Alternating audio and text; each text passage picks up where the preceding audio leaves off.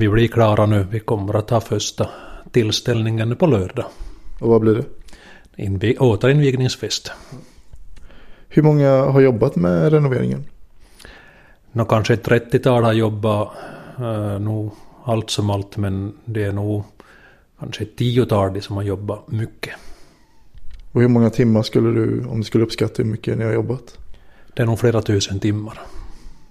Vad, vad handlar det om för pengar ni har lagt ner på det? Uh, cirka 100 000. Har ni lagt upp pengarna själva eller har ni sökt eh, bidrag och sånt?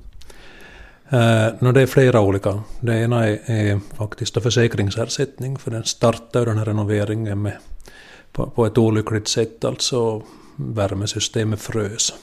Sen har vi sökt från olika håll och då är det Finlands hembygds, hembygdsförbund den största bidragsgivaren men det finns flera andra.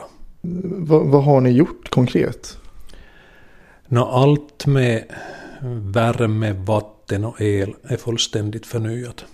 Så det är ett nytt värmesystem med, med pellets och, och luftvärmepumpar. Alla vattendragningar är nya. Det är handikappanpassat med ramper. Ytorna eh, är förnyade i huvudsak. Eh, en ny utrymningsväg så vi kan ta fler personer. Vi kan nu ta in 480 personer hit. Det är en ganska stor lokal. Eh, Vilka förhoppningar har ni på huset nu i framtiden? Kommer det att leva upp? Men vi hoppas ju att det lever upp förstås. Att eh, det finns ett aktivt föreningsliv och mycket aktiviteter i de här älvbyarna i Östra Korusholm. Nu är den här lokalen i sånt skick att den egentligen kan användas till vad som helst. Vi har försökt också nu då få in lite mer AV-utrustning och sånt och bredda, bredda användningsmöjligheterna. Vad är det för föreningar som har verkat här innan? Ja, ungdomsföreningen naturligtvis, de med, med, med barnverksamhet och, och eh, så en del idrottsaktiviteter har varit här och sen i samarbete med mm, byaföreningen, Älvbyarna, så arrangeras ju här sån här eh, sommartorg och påskbrasor och lite ett och annat. Vilken eh, verksamhet tror du finns här om hundra år? ja, eh, jag tror ju människor alltid kommer att ha behov att, att liksom samlas och göra saker gemensamt och då ska det finnas någon infrastruktur för det. Och då det nog verkar som kanske det här eh, offentliga samhället inte, inte i alla fall satsar mer på det framöver så är det säkert den här då förenings och privata sidan som får fortsätta att jobba med det. Vad betyder gården för eh, byborna omkring?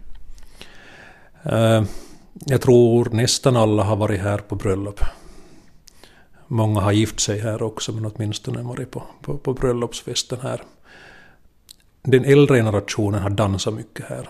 Naturligtvis för yngre sidan så, så finns inte det, det, är ännu, det är mera kvar. Men vad är det som är så lockande med att ha sin bröllopsfest just på den här platsen då?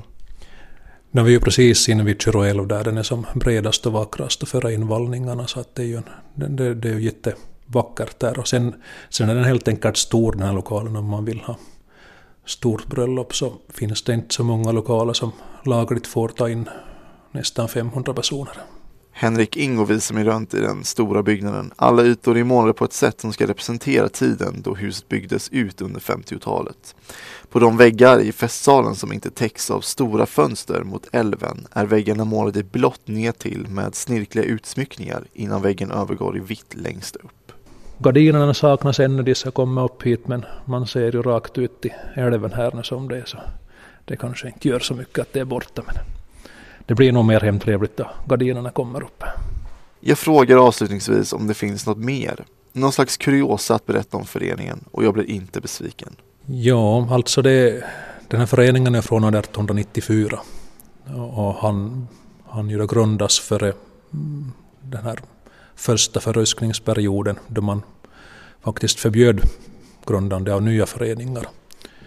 Men inte har ju finländarna någonsin lytt över makten så att det som skedde var då att man grundade underföreningar, klubbar under de föreningar som redan fanns. Och Vasa Katila hade över 40 underföreningar i hela Svenskfinland från den perioden.